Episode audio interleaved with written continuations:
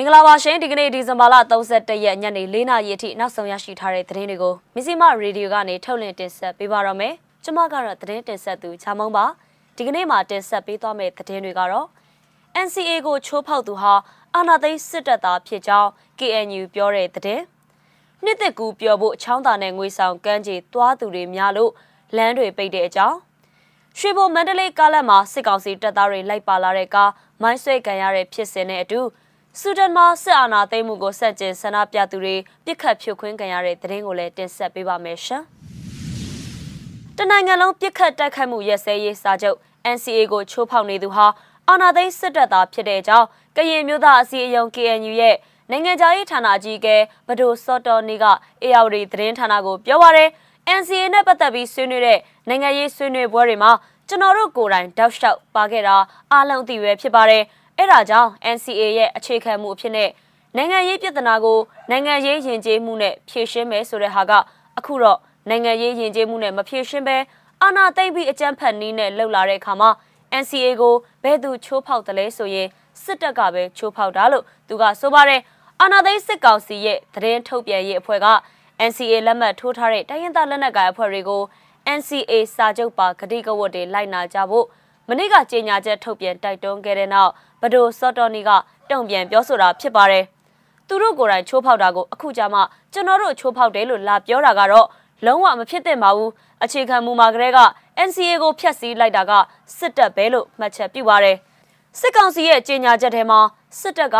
NCA ဂတိကဝတ်တွေကိုလိုက်နာဆောင်ထိန်ကြောင်းဆိုထားပါတယ်။ PDF တွေက KNU စီမှာစစ်တပ်နဲ့တက်ခဲ့ပြီး လက်နက်တွေကလည်း KNU နယ်မြေကနေတဆင့်ဖြတ်တန်းတည်ယူနေတာဖြစ်ကြောင်း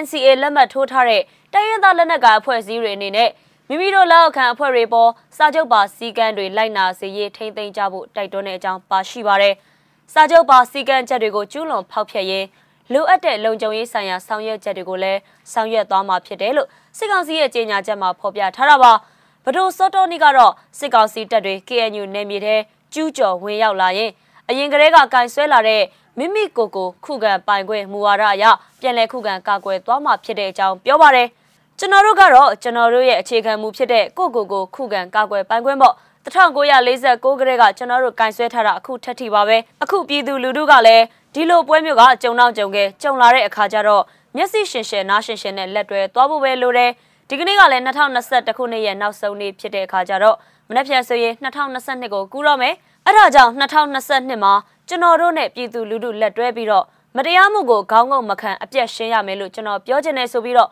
သူကဆိုပါတယ် KNU က NCA ကိုသမရဦးသိန်းစိန်အစိုးရလက်ထက်2015အောက်တိုဘာလ15ရက်မှာတခြားတိုင်းရင်းသားလက်နက်ကိုင်အဖွဲ့9ဘွဲ့နဲ့အတူလက်မှတ်ရေးထိုးခဲ့တာပဲဖြစ်ပါတယ်ရှင်။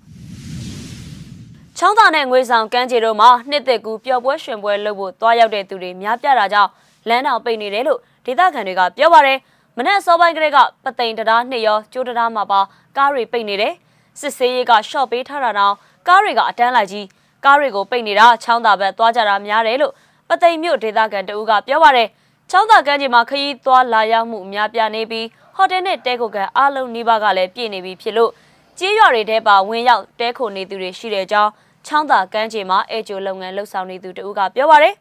အခန်းလိုချင်လည်းမရတော့ဘူးဟိုတယ်ကအကုန်ကုန်ပြီးတဲခိုခန်းဆိုရင်လမ်းအနောက်ချမ်းတွေရမယ်ရွာထဲဘက်ရမယ်တခန်းကို9000ကနေတသိန်းခွဲတိရှိမယ်လို့သူကပြောပါတယ်ငွေဆောင်ကမ်းခြေမှာလဲကျေးရွာတွေထဲတဲခိုခန်းတချို့သာကျန်ရှိပြီးတော့ဟိုတယ်တွေအားလုံးနှီးပါးကတော့ပြည့်နေပြီဖြစ်တဲ့ကြောင့်ငွေဆောင်ကမ်းခြေအဲကျိုလုပ်ငန်းလှုပ်ဆောင်နေသူတဦးကပြောပါတယ်ဟိုတယ်တွေကဘိုကင်သမားတွေမလာခဲ့ရင်တော့ရမယ်အခုလိုချင်ရင်တော့စီးဗျူးမရဘူးကမ်းခြေကိုလမ်းလျှောက်ရင်9မိနစ်လောက်ရှောက်ရမယ်သုံးဘိန်းနဲ့အကျိုးပို့လုပ်ပေးတယ်လို့သူကပြောပါတယ် ကမ်းခြေသွားရောက်သူတွေကိုစစ်ကောင်စီတပ်က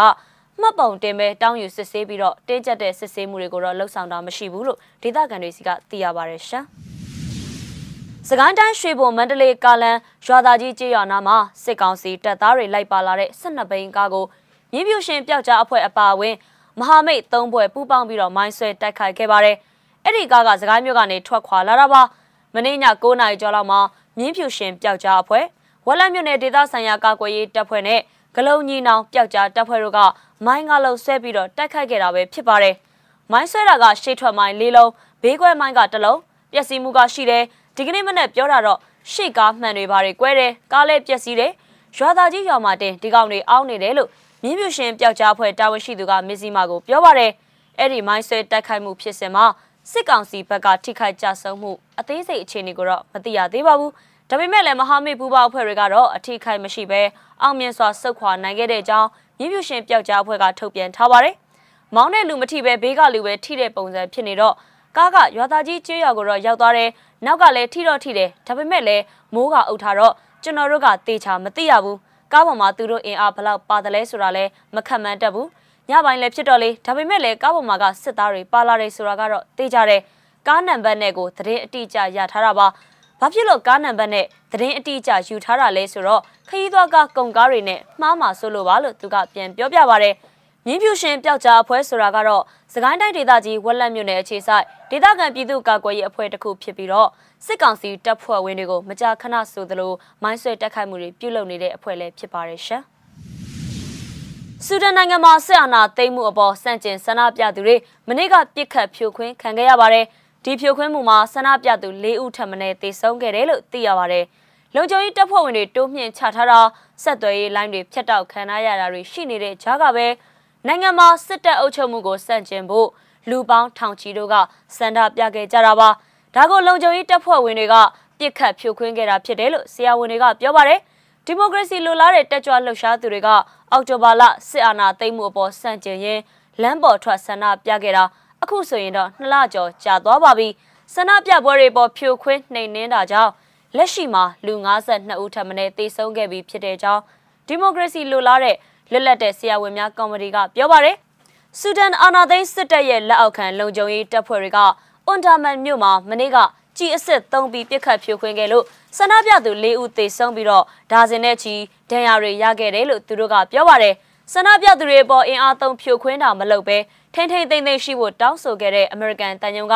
အခုလိုဆန္ဒပြသူတွေကိုဖြိုခွင်းနှိမ်နင်းကြရပြီးသေဆုံးမှုတွေဖြစ်တဲ့အပေါ်ပြစ်တင်ရှုံချခဲ့ပါတယ်။ဒါ့အပြင်မီဒီယာလုပ်ငန်းတွေနဲ့ journalist တွေပေါ်စူဒန်လုံခြုံရေးဌာနတွေဘက်ကအကြမ်းဖက်တိုက်ခိုက်မှုတွေနဲ့ပတ်သက်လို့အံ့ဩတုံ့လုံးမိပြီးကန့်ကွက်ရှုတ်ချတယ်လို့လည်းအမေရိကန်တန်ယုံကထုတ်ပြန်ပါတယ်။အခုလိုမျိုးအခွင့်အရေးချိုးဖောက်မှုတွေနဲ့ပတ်သက်လို့ စုံစမ်းစစ်ဆေးမှုတွေလုပ်ဖို့ကုလသမဂ္ဂအထူးကိုယ်စားလှယ်ကလည်းတောင်းဆိုခဲ့ပါတယ်။ပြစ်ခတ်ဖြိုခွင်းကြရမယ့်အန်ဒီရတွေရှိနေပေမဲ့စူဒန်ဆန္ဒပြသူတွေကတော့စုဝေးဆန္ဒပြမှုတွေမှာစစ်အုပ်ချုပ်ရေးအလိုမရှိဆိုပြီးကြွေးကြော်ခဲ့ကြသလိုအယက်သားအစိုးရတရက်စီကိုအာဏာပြန်လွှဲရေးအတွက်လည်းတောင်းဆိုနေကြပါတယ်ရှင်။